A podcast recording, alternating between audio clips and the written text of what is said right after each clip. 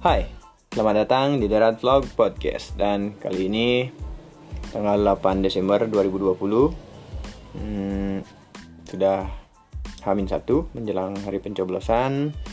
Dan ini adalah tentang pembuatan TPS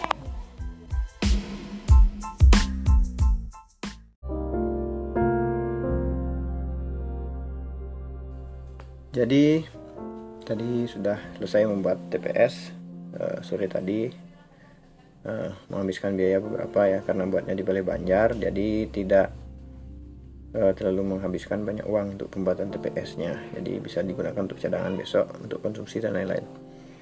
Sementara itu uh, tadi ada juga dari pengawas uh, PPS dan pengawas yang lain juga datang memeriksa. Sepertinya sudah oke. Okay.